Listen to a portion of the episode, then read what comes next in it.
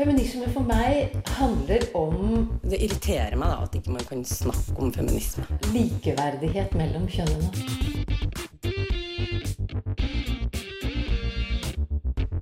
Det blikket på kvinnen på film. handlet det om å bli tatt på alvor som jente.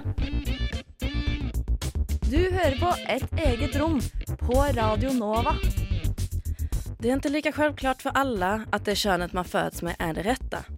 Vissa önskar sig att vara kvinna och vissa önskar sig att vara man och vissa vill inte identifiera sig med något av dem. Men hur fungerar det egentligen när man ändrar kön? Kan jag göra det? Kan du? Om inte, vem bestämmer då?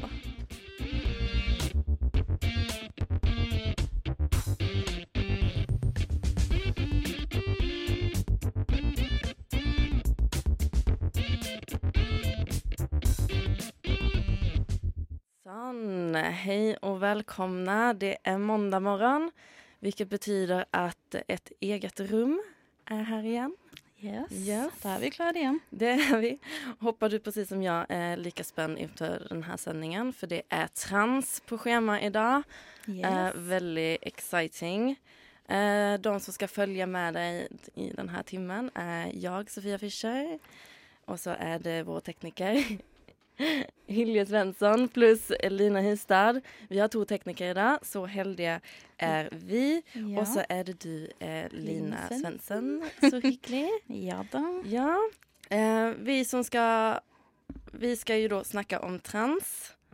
Eh, eh, och det er litt sånn eh, Ja, det, det er Litt sånn eh, vanskelig tema kanskje å Ja. sette seg inn i i begynnelsen. Eh, mange forskjellige begreper og sånn, så litt vanskelig å vette, litt vanskelig å vite hva man skal si, kanskje. Ja. Men eh, Lina, skulle du si at du er veldig bekvem i, i ditt eh, kjønn, eller, eller ja, ja, at være kvinne? Ja, det vil jeg absolutt si. Jeg har eh, aldri hatt noen personlige eh, konflikter med det, da. Nei, for at, altså, ja, jeg kan nå ganske sånn med handen på hjertet si at jeg, eh, når jeg var yngre ønsket at jeg var gutt. Men jag tror det är mer det här att jag som jente følte at jeg ikke fikk lov å gjøre vissa ting eller ikke fikk lov å uttrykke meg på et visst måte eller ikke fikk lov å, you know, være vara den jeg hadde lyst til å være det at jeg var jente. Så jeg hadde veldig lyst til å være gutt. Ja. Men jeg tror det er viktig å tenke her at jeg hadde ikke lyst til å ha mannlige könsorgan. Det var inte så jeg hadde lyst til å være en gutt i kroppen utan jeg jag hade lust fysisk, att vara liksom. Ja. en gutt. Så det var ju mer att jag hade lyst att vara ändra kanske mitt kulturella kön ja. och inte det biologiska könet. Och Nej. det är inte samma sak. Nei, det er jo ikke det. Nej, och det kanskje kanske man ofta tänker att ja men, eh, you know, det är väl bara ändra kön. Ja, men det, det er ikke bare bare. Nei. eh, som tur er, så skal vi ha med oss en gjest i dag som skal hjelpe oss å ordne opp litt i det her, eh, så at ni slipper å bare høre på oss då. vi er ikke eksperter. experter. Eh, vi skal ha Krista André Gudmundsdotter fra Skev ungdom med oss.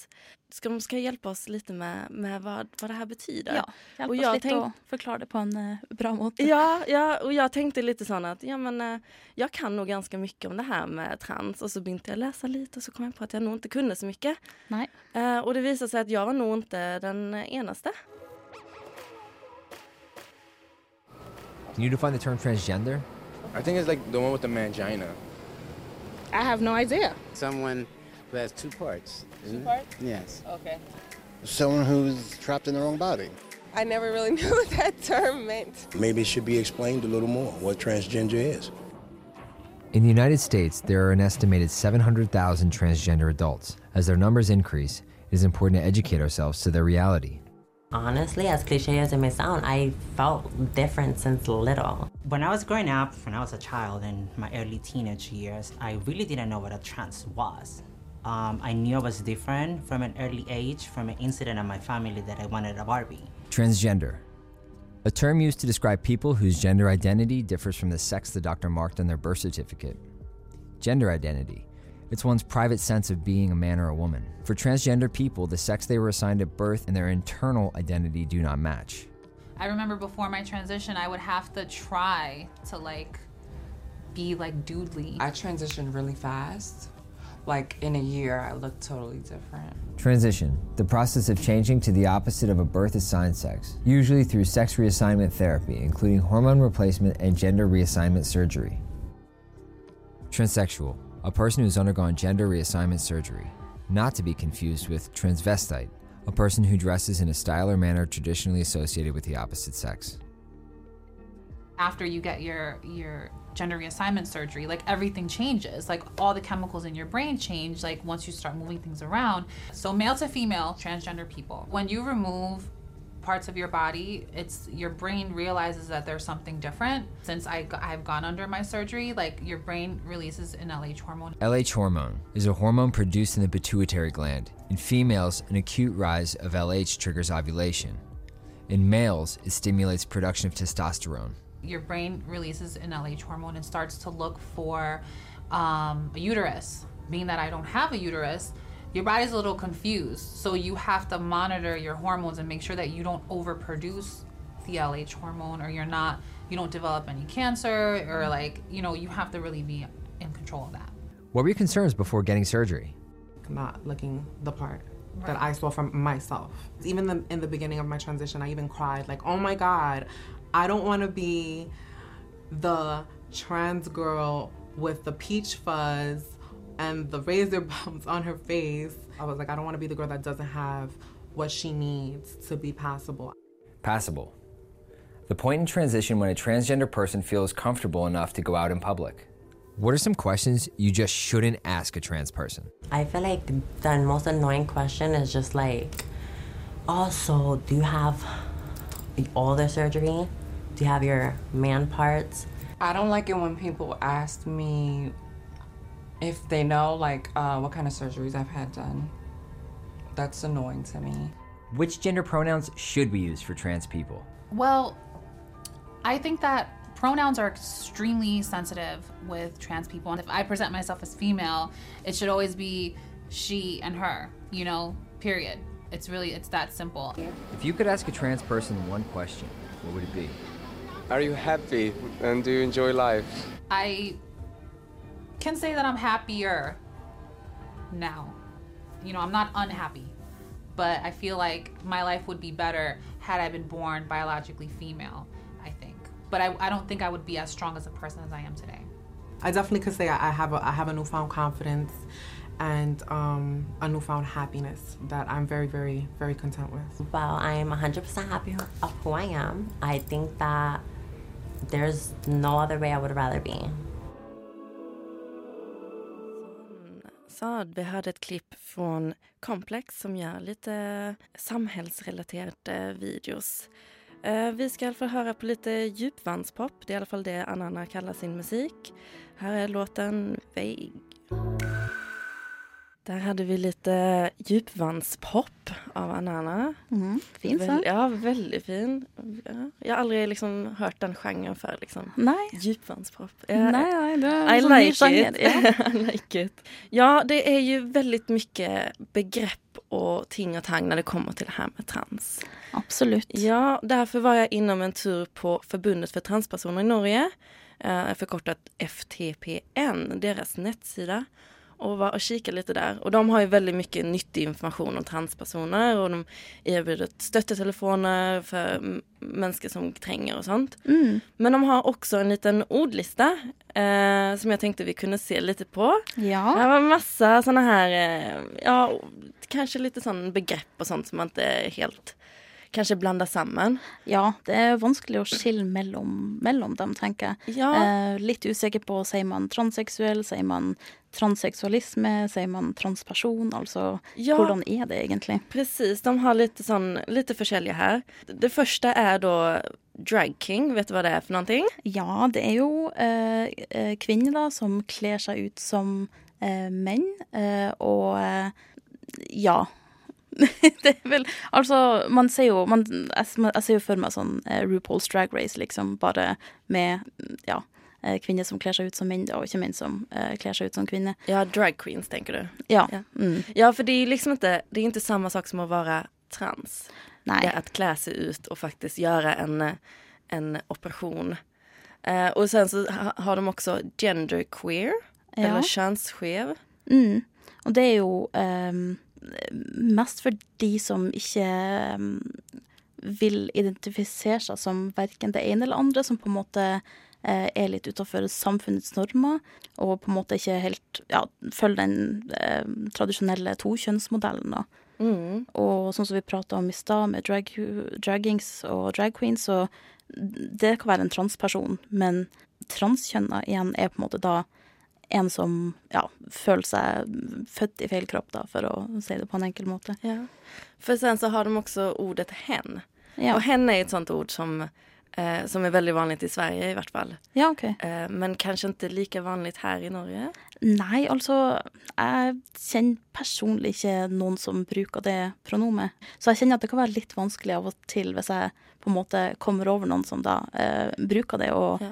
husker det hver gang. Ja, for det er et kjønnsnøytralt eh, pronom liksom. At Mm. man eh, har ikke lyst til eh, bli kalt han eller hun. Nei, man føler seg liksom ikke komfortabel i verken eller. Ja. Mm. Uh, vet du hva intersex er for noen ting? Intersex Det er jo på en måte de som er født med um, kjønnsorgan, eller som på en måte er ja, ikke helt vanlige, da. Ja, det Er er det folk, det är folk som er født med to Altså med både han, Både altså, og, ja. kvinnelige og mannlige könsparter. Ja. Och det, det vet jeg at det er mange som blander sammen med det her med trans, at man tenker at eh, intersex og trans er samme sak. Mm. Og det er det jo absolut ikke. Nei, For intersex er jo at du blir født med begge könen. Ja. Eh, trans er jo at du eh, velger å gå over til et annet kjønn. Ja, ikke sant? Mm. Da Altså Og sen så er det jo litt det her også med å være en transperson Ja. og transvestit. Ja, altså sånn som jeg skjønner det, så er en transperson det er på en måte litt sånn paraplybegrep da, som går over både eh, drag kings, drag queens, crossdressers eh, og transvisitter og transkjønnede og interseksuelle. altså at det på en måte omhandler alt, da. Mens hvis man skal se på en person som har gått fra mann til kvinne, eller kvinne til mann, er klar på sin hva skal jeg si, rolle, da, så eh, sin kjønnsrolle, så er de transkjønna. Ja, Sånn alltså har jeg forstått. ja, det är tur at vi skal få inn en gjest her etterpå som skal hjelpe oss litt med det her. Yes. For att det, Ja, greit. det er veldig mange begrepp og det, det betyr forskjellige ting Og det er lett at man bare bruker ett begrepp til alt, og så stemmer ikke det alls. Ja. Ja, vi skal i alle fall fortsette med litt musik. Det blir This Boy med Girls. This boy is ready. This boy is fine. Ja, det var This Boy My Girls. Sjukt nice låt. Eh, vi har fått en gjest inn i studio dag. Ja. Ja, velkommen Christer André Gudmundsdotter fra Skeiv Ungdom. Ikke sant? Det ja. sant. Så hyggelig at du kunne komme her i dag. Jeg tenkte bare sånn snapt oppklart. Eh, vi skal bruke hen, han eller hun. Hva bruker du? Jeg foretrekker å bruke pronomen hen. Hen. Ja. Hvorfor er det så? Det er fordi jeg ikke føler kjennskap til verken han eller hun. Og det er det som føles komfortabelt for meg å bruke av pronomen som man kan bruke i Norge. Og Mm. da bruker jeg hen. Og hvis man skal er engelsktalende eller er i utlandet hvor de bruker engelsk språk, så bruker jeg pronomen fei. Fei? Eller det har jeg aldri hørt før. Ja. Ah, nei, jeg tror ikke heller fei. Nei. Det har jeg faktisk aldri hørt, nei. Nei. Um, hvordan um, Når og hvordan var det du fant ut at du um, var transkjønna, da, hvis det er rett eh, begrep å bruke i den forstand? Jeg personlig bruker begrepet transperson, OK, ja. for det er mer eh, riktig for meg. Mm. Men jeg har alltid visst at det har vært noe fra jeg var veldig ung. Men jeg hadde ikke noe ordforråd eller begreper for hva jeg skulle bruke når jeg skulle prøve å fortelle hvordan jeg følte da hadde det til når jeg var venner og familie når jeg var yngre. Så det var ikke før jeg ble medlem i Skeiv Ungdom og var på en sommerleir i 2012 at jeg fikk ord og begreper for hva det som kunne være med meg, da. Mm. Så før det så utforsket jeg litt sånn seksuelle identiteter som bifil, lesbisk og litt sånne ting. Mens etter 2012 så tok jeg kontakt med psykologen jeg hadde på BUP, og sa at det her er noe jeg vil finne ut av. Vil prate med en psykolog og bli henvist til Rikshospitalet i 2012. Så brukte litt tid på å bli overført og få innkalling til voksenpsykiatrien. Hvor da hadde jeg blitt for gammel til å være på BUP, så da måtte jeg til VUP istedenfor. Å ja, ja. For VUP, hva det står for? Det, VUP står, på, står for voksenpsykiatrien. OK, ja. Og BUP står for barne- og ungdomspsykiatrien. Mm. Så da brukte jeg sånn ett år, halvannet år på å skrive en henvisning med en psykolog der til Rikshospitalet, som ble sendt dit i løpet av perioden 2013, 2014, 2015. Såpass, ja. Brukte litt tid på å skrive det og Ja. jobbe med det. Men hvorfor tok det et helt år å skrive en sånn rapport? Altså, det føles som veldig lenge. Mm. Så det tok i hvert fall så lang tid for min del. Men for andre så kan det ta kortere tid eller lengre. Det er avhengig av personen som vil inn dit. Men- Men for meg så tror jeg det var at eh, hun måtte stille spørsmål og hadde ikke nok informasjon selv om det, så hun måtte prate med en tidligere kollega av seg for å finne ut informasjon om hvilke spørsmål stille, skal hun stille for å finne ut av hva som skulle stå i henvisningen. Så måtte jeg lese over henvisningen, og så måtte man jobbe litt sånn frem og tilbake for å få ut mest utfyllende henvisning til Rikshospitalet. I hvert fall for min del. Men er det sånn at man kun får liksom en chans på noe sätt? At man sender inn en henvisning til Rikshospitalet og så er det den chansen man får? For det virker jo veldig lenge å sitte liksom og skrive en rapport på et år og sånn så Ja, altså så kanskje de ikke liker det så må du gjøre om og altså Ja, det er vel sånn at du får eh, forskjellige sjanser. Altså hvis du kommer inn til Rikshospitalet, eh, så får du vel eh, en slags utredning der, da. Og hvis det ikke blir hva skal jeg si, akseptert, så kan du prøve senere når situasjonen endrer seg. Er det ikke litt sånn det er? Jeg vil tro at jeg å kunne få en ny sjanse er veldig varierende fra person til person, om det er noe de ønsker selv, eller om de har energi til å gjøre det samme en gang til. Ja. For min del, så etter at uh, henvisningen ble sendt, så fikk jeg du hadde innkallelse til Rikshospitalet. Men da måtte jeg først svare på sånn over sånn nærmere 200-300 spørsmål før den første timen om meg selv, og da var det spørsmål som var veldig sånn Hadde ikke noe med hva jeg ønsket å få hjelp til av Rikshospitalet til. Men hva var det for spørsmål, da? Akkurat de spørsmålene husker jeg ikke, siden det er en god stund siden nå. ja, den skjønner jeg. Men så fikk jeg innkalling til en første time der, som varte sånn to timer med en psykolog, og så brukte jeg én time til på å fylle ut like mange spørsmål etter første timen der som man må gjøre før man har en time der i, til å begynne med. Og da fikk man spørsmål sånn Er noen i familien din homofile? Er noen i familien din transpersoner? Hvordan Har du sex med det motsatte kjønn? Likte du å ha på klær av det motsatte kjønn når du var yngre? Og veldig mange sånne spørsmål som Og det blir nesten som kartlegging på en måte av, av deg som person, om du passer inn i den boksen de, de ser etter. da. Ja, og det følte jeg var sånn spørsmål som ikke du burde stille til å, for å bli kjent med den enkelte som søker hjelp hos Rikshospitalet og ønsker den hjelpen de kan tilby, da. Mm. Det er veldig intime spørsmål, altså. Ja. Ja. Virkelig. Jeg tror mange er blitt veldig ubekvemme av å sitte og svare på sånt. Ja, det går jo veldig personlig uh, inn på det, tenker jeg. Um, men uh, f har du fått hjelp da hos Rikshospitalet? Er du f fornøyd med det du har fått gjort der? Jeg var jo på den første timen og gjorde det jeg skulle gjøre der, fylle ut i skjemaene og sånt, og så fikk jeg innkalling til andre time, som var ni måneder etterpå, som var i mai 2015, så da var første innkallingen i 2014, i august i 2014. Men så i mai i 2015 så ble det kluss med innkallingen. Jeg hadde fått en innkalling, møtt opp til den dagen. Men tydeligvis hadde jeg fått innkast til en annen time som jeg ikke hadde fått beskjed om, så jeg ble oppringt sånn 10-30 ganger i løpet av en dag for å få ble, Bare ble oppringt. Men så hadde jeg fått feil dag og dato, så da ringte jeg også ifra at hei, det har jeg ikke fått beskjed om. Så fikk jeg endelig ordnet opp i det og fått en ny time. Da basically fikk jeg den andre timen. Det ville jeg skulle møte opp personlig for å si at de avslo behandlingen min på Rikshospitalet etter den ene timen jeg hadde hatt der. For jeg fyller ikke deres krav om hvordan de tenker at kjønn er.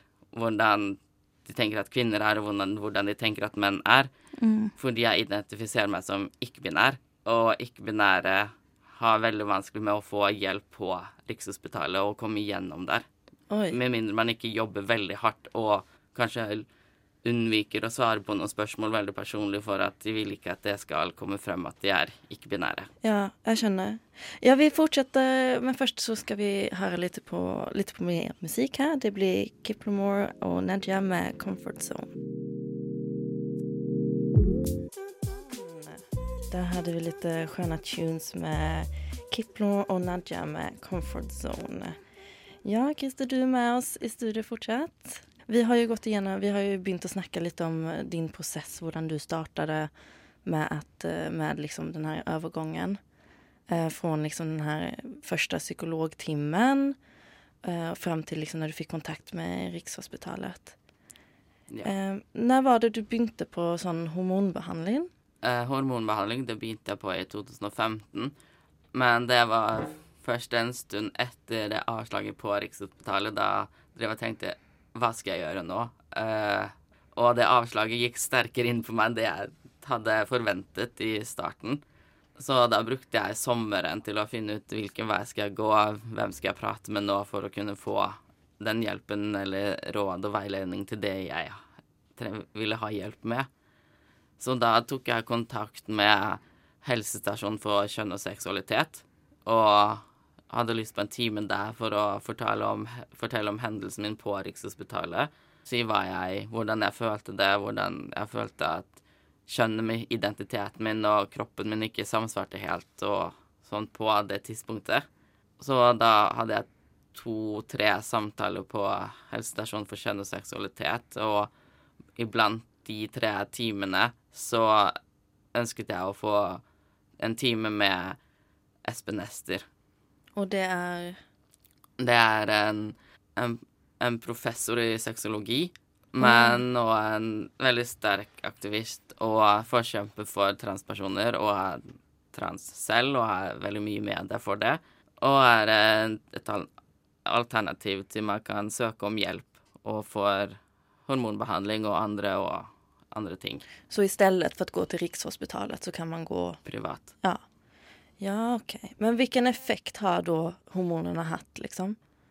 Från det at du begynte Den første dagen så var, føltes det som om hele verden bare Jeg svevde sånn med masse adrenalin og all sånn derre ekkelhet og sånn, et sånn svart tomrom og sånne tunge følelser bare lettet av skyen, sånn flere kilo bare fløyt av at jeg kunne bare fly. Mens de, de forsvant med en gang jeg kom inn på jobb akkurat den dagen. Hva skjedde da? Nei, det var bare Jeg trivdes ikke i den frisørsalongen jeg jobbet i. Og Nei. trenger ikke gå mer inn i detalj på hvorfor det. Nei. Etter hvert så begynte jo stemmen å endre seg. Jeg begynte å få mer ansiktshår. Så da fikk jeg jo flere spørsmål som Er du forkjølet? Du burde gå til legen for å sjekke stemmen din. Og sånn um, Stemmeskifte? Det har du vel hørt om? Og sånn Å ja, OK. Men hvorfor det? Nei, noe som heter hormoner, da. Så var litt sånn Så ble litt sånne spørsmål, litt sånne svar jeg ga til folk, og fikk flere spørsmål som hvorfor har du lyst til å bruke sminke hvis du har bart og skjegg, eller hvorfor har du lyst til å ha skjegg og bart hvis du har rosa øredobber, og litt sånne Bare sånne rare spørsmål som folk stiller hvis de ikke har så mye informasjon eller kunnskap om trans generelt sett. For var du veldig eh, Eller var du ikke så veldig åpen om det i begynnelsen? Eller har du på en måte vært eh, ja, åpen bok helt siden du begynte? Jeg har vært åpen bok hele veien siden jeg begynte, og før jeg begynte også. Ja. Jeg er veldig åpen og offentlig av meg. Mm. Men det er bra. Men nå, nå var det du ändrade navn, for du har liksom ikke alltid hetet krister, Christer. Liksom. Du har jo Hva var det du hette før det? Jeg har ikke lyst til å si hva jeg het før, men jeg endret det i perioden før jeg hadde første timen hos Rikshospitalet. Så jeg har hetet juridisk Christer André Gudmundsdottir siden sånn 2014-2015. Mm. Var det en veldig liksom, digg følelse å få endre det navnet? Det var det. Men jeg hadde veldig sånn vanskelighet med etternavnet, om jeg ville endre det fra dotter til sønn. Istedenfor det er jo islandsk. Mm. Ja. Og der er det jo andre tradisjoner at man har navnet til faren sin og så datter eller sånn bak. Så det var mange som spurte skal du endre etternavnet ditt til sånn, da. Men så har jeg valgt å ikke gjøre det pga. at jeg identifiserer meg som ikke-binær, og navnet mitt er veldig sånn veldig stort tegn på det. Både et kvinnelig og mannlig navn. Ja, det er litt sånn kul, kul kombinasjon, egentlig. Det føler liksom en ja, kul presentasjon av deg som person, da. Det syns jeg også. ja. ja, vi skal takke så mye for at du kunne komme og besøke oss i dag, Christer. Det var veldig hyggelig å ha deg her. Og jeg tror du har eh, Jeg tror vi har en litt bedre forståelse for det her og eh, prosessen også Mm. med, med trans i Norge. Mm. Eh, vi eh, hører på litt musikk her. Det blir Imperial Teen med 'Runaway'. Imperial Teen med 'Runaway'. Line, har du sett filmen 'The Danish Girl'? Ja, jeg har det, men Ja. det er ganske lenge siden nå. Ja, for jeg, så, jeg tror faktisk jeg så den på kino når den kom ut, og det er en veldig bra film. Jeg tenkte i alle fall at vi skulle gå litt tilbake, for at uh, Lisa Asberg har gjort en, uh, et innslag om den filmen, og uh, ja, jeg tenkte vi skulle få høre litt på det. Berlin 1930.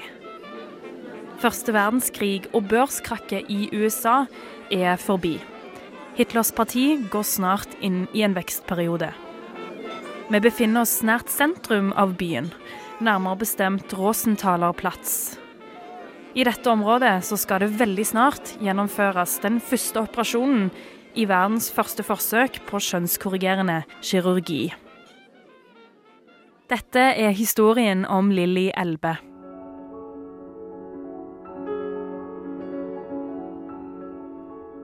Einar Wegner ble født i Danmark i 1882, i den ja, mellomstore byen Velje, kjent for sin ikoniske vindmølle. Den lille hvite med svart topp som du garantert har sett før i Visit Denmark-annonser. Wegner han skulle bli kunstner. Han flytta til København og begynte å studere der. Og Der gifta han seg òg med medstudent Gerda Gottlieb. Han malte landskapsmalerier, og hun illustrerte bøker og motemagasiner.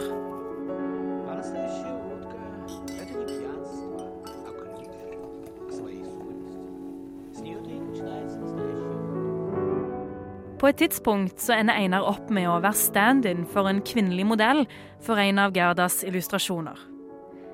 Han kledde seg opp i kvinneklær, i høye hæler og strømpebukser.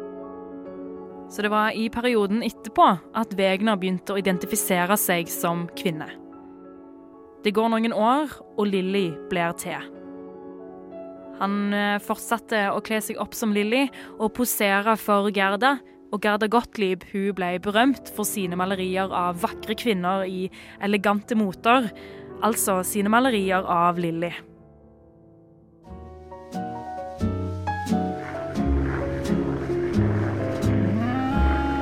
Februar 1930 så drar Lilly til Berlin. Der møter hun legen Magnus Hirschfeldt, som var kontroversiell for sin tid. For i tillegg til å være en homoforkjemper, så utvikler han òg en teori om et tredje kjønn. Lilly får beskjed om at de mer omfattende operasjonene vil foregå i Dresden, et par timer under Berlin. Men før dette her kan skje, så må hun ha en operasjon i Berlin. Og dette blir den første i rekken av fem.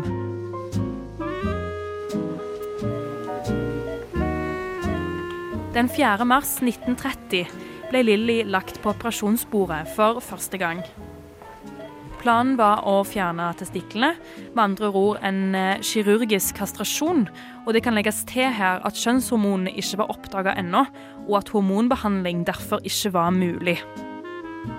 Men operasjonen går fint, og Lilly tar etternavnet Elbe, og hun reiser videre til Dresden.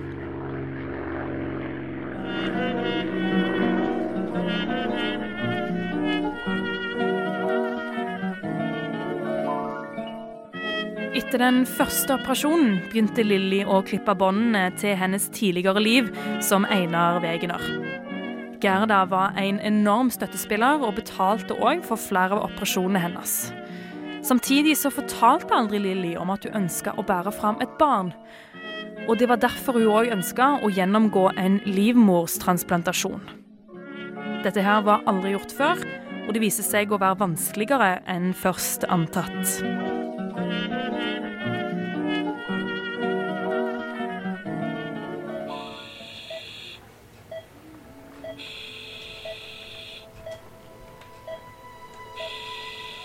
I Dresden så legges Lilly inn på operasjonsbordet fire ganger. Først for en eggstokktransplantasjon. Deretter for en penektomi, altså en kirurgisk fjerning av penis. Og den fjerde var en vaginal plastikk. Et forsøk på å konstruere en vulva. Den siste operasjonen tror man var et forsøk på å få til en fungerende livmor i Lilly sin kropp. Det skal sies at dette her er noe man ikke har fått til før i 2014.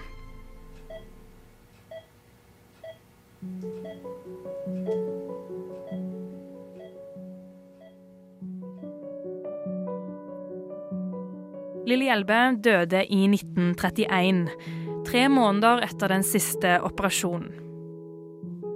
Sannsynligvis av at kroppen hennes avviste de nye organene.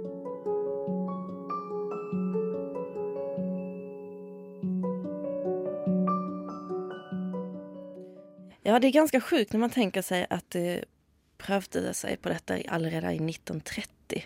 Ja, var tidlig ute og en uh, tøff, uh, tøff dame. Ja, spesielt når man tenker at man ikke har fått det til. Altså, man har liksom ikke fått til en fungerende livmoder liksom förrän i 2014. Ja. Og det er veldig mange år etter. Det er det absolutt. Ja. Kristina Jørgensen eh, var jo faktisk den første personen som, eh, alltså där man fick en lyckad eh, operation. Och Ja. det var ju också i 1952. Mm. Så att eh, ja, det tog en tid också däremellan, men när 1930 och sen första fung- alltså vällyckade Sonsi-operation i 1952. Mm. Eh, så. Fortsatt länge sedan da. men ja, det- ja, ja, verkligen. Och sen så inte förrän i 2014 så fick man Ja, det var alltid greit, på en måte. Ja, det är väldigt sykt när man, eh, när man tenker på det. Mm. Det er jo veldig vanskelig, tenker jeg, med de her operasjonene, fordi eh, det er vanskelig å lage en em, ny penis, eksempel, eller en vulva, da. Det er jo eh, komplikasjoner. Eh, I Norge så blir de jo anbefalt å liksom ta ja, sterilisere da, sånn at man ikke kan få barn senere. Så det legger jo på en måte en litt sånn demper, tror jeg, for folk også, at det, det er så mye som kan gå galt, og så mye som må endres, og Mm. ting man ikke kan ta tilbake, da. Ja, for jeg tenker jo også at man har jo lyst å det er jo liksom en del av å være eh, Altså man kan ikke si menneske, men det er jo en del av liksom at At kunne enten føde et barn som kvinne, eller kunne befrukte som mann. At man har jo kanskje lyst til det også. Ja. Og, men det er jo det, ja. Det er vanskelig. Og jeg tenkte Jeg har hørt flere eksempler der de kanskje um, fryser ned um, sæd eller egg før de på en måte tar en sånn operasjon, sånn at man senere kan bruke det um, til å få et barn som, som er sitt, da. Mm. På andre måter. Ja. Jeg tenkte litt sånn på, nå når vi hadde Christer her i studio, at, at, det han sa at det var veldig vanskelig det her med, med å få plass på Rikshospitalet eller bli godkjent Mm. på Rikshospitalet. Och det är liksom, han är långt ifrån den enaste alltså. Ja, Eh, det är ju ungefär 50 till 70 patienter som, som blir liksom hänvist till Rikshospitalet varje år. Och det är runt 20 patienter av de som får diagnosen eh, transsexuell. Som då ses som en diagnos, vilket Mm. jeg ikke hadde peiling på. Nei. Men av de 20 så er det bare rundt 15 stykker som får, har, liksom oppfyller det kriteriet Ja. til å faktiskt påbörja Mm. en operasjon. Ja. Man skulle jo trodd at det på en måte var en boks som var plass til veldig mange, da. Men Mm. det er en liten boks inni den store boksen Ja. der akkurat eh, det på Rikshospitalet er vanskelig å, å komme seg gjennom der, da. For man blir jo møtt med altså um, Hva det er for noe? Psykologer, um, plast, plastisk kirurger, em, gynekolog, psykiater, pediater altså Alt mulig rart av liksom helsevesen kommer rundt og må eh, ja, gi deg behandling. Altså, de må sjekke deg, de må, alt må være greit, liksom. Du må være så psykisk stabil som det går an å være, og eh, fysisk og sosialt også. Altså, ingenting kan på en måte gå utenfor den boksen, Men det er vel litt det at når du vel har gått igjennom en sånn operasjon, så kan du ikke gå tillbaka.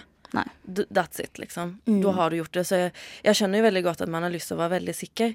Men det verker jo være en utrolig eh, vanskelig prosess å gå igjennom. ja. Og det verkar som det tar utrolig mange år og veldig mange operasjoner. Ja, absolutt. Og det å på en måte være psykisk stabil gjennom hele den prosessen, når det tar kanskje, ja, som Christer sa, da, ett år eh, å faktisk få sendt eh, og laga en søknad, da. Eh, ikke sant, det, det gjør noe med deg som person. Eh, og det, ja, jeg kan ikke engang forestille meg hvor vanskelig det faktisk er. Nei, å bli motarbeidet på den måten. Vi skal høre litt på New Timers med She's a Gun. Ja, litt sånn eh, 80-tallsmusikk eh, fikk oss alle til å danse her i studio, i hvert fall. Ja. Eh, veldig Fin funky, funky låt, altså. Ja, grei begynnelse på mandagen. ja, verkligen. Du hadde sett på lite, lite steder som man kunne få hjelp, ikke sant? Lina? Ja, jeg tenkte å bare nevne eh, fire plasser man kan på en måte Der man kan ta kontakt da, hvis man har spørsmål eller noen ting man lurer på og er litt usikker da. Så det er Harry Benjamins eh, ressurssenter, eh, Forbundet for transpersoner i Norge, eh, Foreninga FRI, som tidligere var LLH, og Skeiv Ungdom, da, som eh, er fire forskjellige De har nettsider og eh, telefoner man kan ringe, og folk som har erfaring og eh, informasjon som Ja. du kanskje trenger. Det kan jo være veldig greit å vite hvor man skal henvise seg til. For om det er noe jeg i hvert fall har lært meg nå, er at jeg kunde veldig lite om trans faktisk. Ja. Um, og hvis du føler at du vil lære deg mer så får du tune inn neste uke. For da skal vi snakke om trans eh, part 2. Ja. Da blir det litt mer kanskje den politiske innblikken i eh, Ja, litt sånn å samfunnet vara trans. ja. Ja, eh, absolut. Eh, så hør på oss da.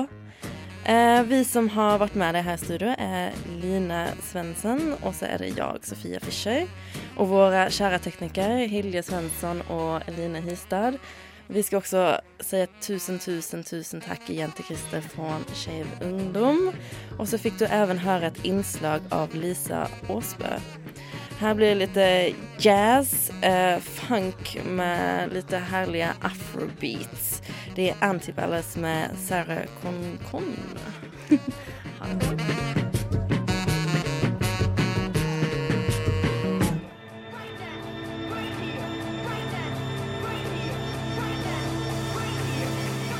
Radio Nova. Du har hørt en podkast fra Radio Nova. Likte du det du hørte? Du finner flere podkaster i iTunes og på radionova.no.